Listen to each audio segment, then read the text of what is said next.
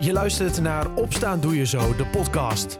De Zo34-podcast die je elke dag bijpraat over de actualiteit in Zuiders-Drenthe. In een klein kwartier ben jij weer helemaal op de hoogte. Aflevering 338 van Opstaan Doe Je Zo, de podcast op woensdag 1 februari 2023. In het Zuiders-Drentse nieuws lees je vandaag over een staking bij Arriva. En daardoor zullen er morgen tussen Emmen en Zwolle een stuk minder of helemaal geen treinen rijden. Personeel staakt voor een betere CAO. Meer hierover en ander nieuws verderop in de podcast. Het is een uh, onstuimig begin van februari vandaag met een harde wind en ook windstoten mogelijk tot wel 75 km per uur. Verder is het bewolkt met vanaf de middag veel regen en mogelijk hagel. Vanavond droogt het op en neemt de wind weer wat af. Het is zo'n 8 graden. Het kan een stuk kouder aanvoelen door de gure wind. Straks in de podcast wordt er in Odoorn hard gewerkt aan de renovatie van het sportpark met een blije voorzitter van de tennisclub. Maar eerst een zware tegenvallen voor een deel van de inwoners van de gemeente Emmen. Zij die er recht op hadden, konden ook dit jaar rekenen op een energietoeslag van 1300 euro. Dat had de gemeente aangekondigd. Maar dat blijkt toch een lastig verhaal te worden. Wethouder Raymond Wanders moet dat lastige verhaal overbrengen aan de Emmenaren. En dat is geen gemakkelijke taak, vertelt hij. Ja, het is in ieder geval ook een minder prettige boodschap om te geven aan je inwoners. Wij hebben uh, inderdaad uh, vorig jaar met uh, aan de inwoners gecommuniceerd dat zij uh, voor, ook voor 2023 uh, uh, kunnen rekenen op een energietoeslag van 1300 euro van het Rijk. alleen op 28 december heeft het Rijk wetswijziging gepubliceerd. En op grond daarvan moeten we concluderen dat wij op dit moment niet zo heel veel kunnen met die 1300 euro. We kunnen wel 500 euro bevoorschotten. Die mogelijkheid willen we ook graag gebruiken. Maar ik begrijp dat dit voor de inwoners nou niet de boodschap is waar ze op hadden gerekend. Als je in aanmerking komt voor deze toeslag. Ja, precies. Uh, jullie hebben zelf nog wel eventjes gekeken of jullie wellicht mogelijk juridisch gezien nog een uitweg zagen om toch nog die 1300 euro uh, uit te kunnen betalen. Maar ja, u liep klem eigenlijk. Ja, want dit heeft, uh, nou ja, dit heeft te maken met regels die Den Haag ons dan weer oplegt. En dan loop je heel veel risico. Maar wij hebben inderdaad gekeken naar wat zijn onze juridische mogelijkheden. Want we vinden eigenlijk dat de inwoner erop moet, moet kunnen rekenen op dat we doen wat we zeggen. En dat, we proberen in ieder geval nou zoveel mogelijk te doen wat we zeggen. Want wij zijn niet degene die de regels stelt van die 1300 euro, ook niet het bedrag. we doen wel de uitvoering. En als wij dan vertellen aan inwoners, u kunt aanvragen, dan gaan we ervan uit dat ze kunnen aanvragen. Nou, dat kunnen we in werking zetten. Daar hebben we ook mensen voor. Zou ook een beetje zonde zijn als je dat in augustus moet gaan doen, als de mensen er niet meer zijn. En we kunnen nu de aanvragen afhandelen, we kunnen een, een, voorschot geven. En dan wachten, moeten we echt afwachten wat het definitieve bedrag wordt straks. U gaf net al aan van die 1300 euro stond in de Rijksbegroting. Uh, u had een hele organisatie had u op, op, op poten gezet. Alles stond klaar zeg, om die 1300 euro gewoon uit te kunnen betalen. Hoe komt het dat op het allerlaatste moment toch nog ja, de boel een halt wordt toegeroepen? Ja, dat is voor mij ook een beetje koffiedik kijken. Ik gok erop dat in Den Haag gezegd is, nou, we hebben al meerdere maatregelen genomen. Uh, het kan nu wel, zeg maar even, de weg van de zorgvuldigheid als het gaat over rechtmatigheid. En dat zijn termen die wij dan gebruiken. Is het volgens de regels? Nou, het ministerie van Financiën wil dit keer graag dat het volgens de regels gaat. Dat betekent dat je niet vooruit mag lopen op een wet die nog niet geldig is. Maar ja, wij baseren ons op een Kamerbrief die wij hebben gekregen in september. Die heeft de minister gestuurd naar de Tweede Kamer. Die is ook naar de gemeente gegaan. Op grond daarvan hebben wij gehandeld. En ook de brief die wij hebben gekregen dus. En daarin staat 1300 euro voor 2023. Dat dat nu een andere boodschap wordt. Uh, als of, of 1300 of een ander bedrag, kunnen wij niks aan doen. Wij, wat, wij, wat wij wel kunnen doen is dat de inwoner zo weinig mogelijk last van heeft. En dat uh, wij de uitvoering te hand nemen en de inwoner een voorschot krijgt. Eerst een voorschot dus van 500 euro en de rest komt dan later. Het is een ingewikkelde situatie geworden zo. Dat zei ook wethouder Raymond Wanders in gesprek met verslaggever Rien Kort. Meer hierover kun je vinden op zo34.nl en in onze app. Na het nieuws gaat de schop de grond in, in Odoorn. Tussen Emmen en Zwolle rijden morgen een stuk minder of helemaal geen treinen. Personeel van Arriva staakt dan voor een betere CAO. Daardoor wordt veel minder treinverkeer op de Vechtallijn verwacht. De medewerkers van Arriva vallen onder de zogenoemde CAO multimodaal. Daar vallen in totaal 1300 medewerkers in het openbaar vervoer onder. De onderhandelingen over een nieuwe CAO tussen de vakbonden en de werkgevers hebben tot nu toe nog niks opgeleverd.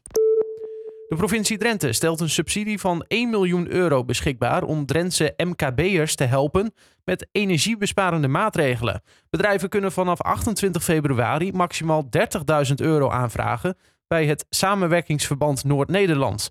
Met de subsidie wil de provincie de negatieve effecten van de energiecrisis mogelijk dempen en tegelijkertijd bijdragen aan het realiseren van CO2-reductiedoelstellingen. De gemeenteraad van Koevoorde gaat niet akkoord met extra geld voor de nieuwe vesten. De middelbare school had de gemeente gevraagd om 500 vierkante meter aan het nieuwbouwplan toe te voegen. Dat zou nog eens 1,7 miljoen euro kosten, bovenop de 36 miljoen die het plan in totaal al kost. De school wilde het cultuuronderwijs ook in het nieuwe gebouw plaats laten vinden. Nu gebeurt dit nog in het cultuurhuis, maar de school heeft die huurovereenkomst opgezegd per medio dit jaar. Overigens ging de gemeenteraad wel akkoord met de aanpak van het terrein Holwert Midden.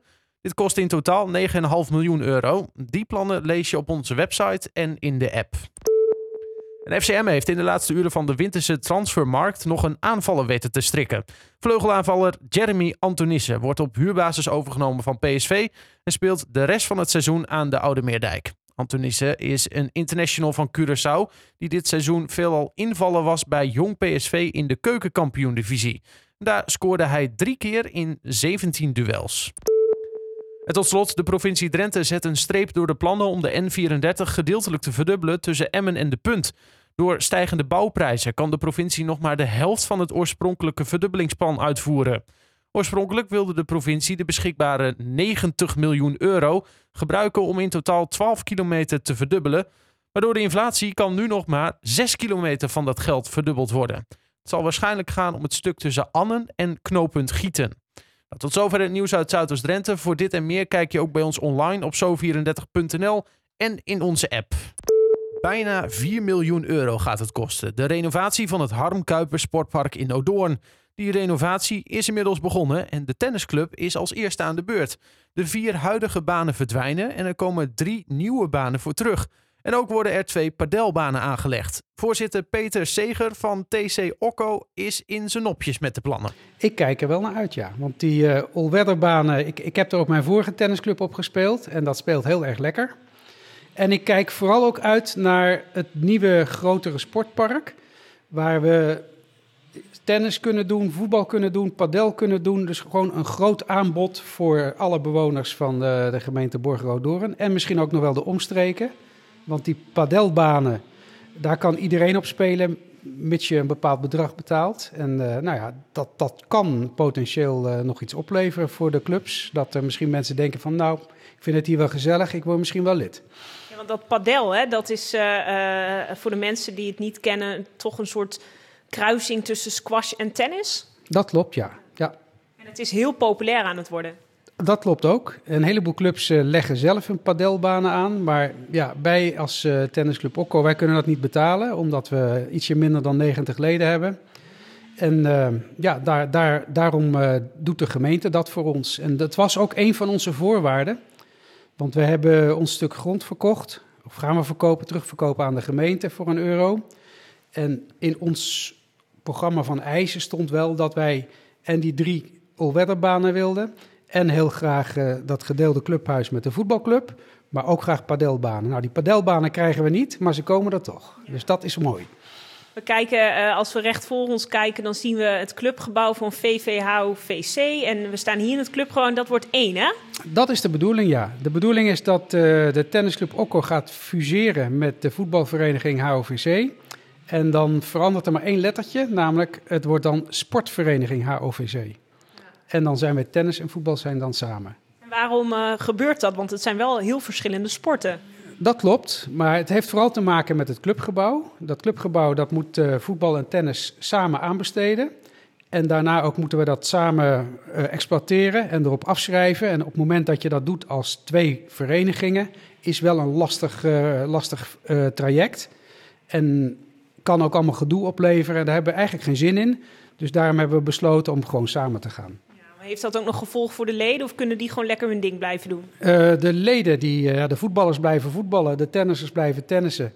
Misschien dat er voetballers ook komen tennissen. En uh, ja, qua, qua contributies gaat er denk ik in het begin niks veranderen. Wanneer moet dit allemaal af zijn? het totale sportpark moet af zijn in augustus 2024. En het stuk tennisbanen, maar dat is alleen maar de tennisbanen, in uh, april 2023. Tenminste, dat is ons beloofd en we gaan kijken of dat gehaald kan worden. Dat is over een paar maandjes. Waarom moet dat zo snel? Ehm, de, het moet zo snel, omdat we anders een tennisseizoen verliezen. En eh, ja, dat is dan denken we dat er leden weglopen. En dat begrijpt de gemeente, begrijpt dat ook wel. Dus eh, daarom hebben ze ons gepland in fase 1 van het eh, renovatie van het Harm Kuiper Sportpark. Ja, daarom zijn ze daar verderop zo druk bezig met die bomen. Zeker. Hoe eh, ehm, denkt u dat het er straks uitziet in augustus 2024? Eh, dat kunnen we ons denk ik nu nog niet heel erg voorstellen. Ehm, nou, er zijn tekeningen van. En op basis van die tekeningen eh, worden we hier allemaal heel blij. En met we bedoel ik zowel de voetbalclub als de tennisclub. Kortom, mooie plannen waar ze allemaal naar uitkijken daar in Odoorn. Blije gezichten levert het op. Zeker die van voorzitter Peter Zeger van tennisclub Okko. En je hoorde hem in gesprek met verslaggever Jeanette Oortwijn. Meer hierover te lezen op zo34.nl en in onze app. Tot zover de podcast van woensdag 1 februari. Morgen weer een nieuwe aflevering. Graag tot dan en voor nu een fijne dag.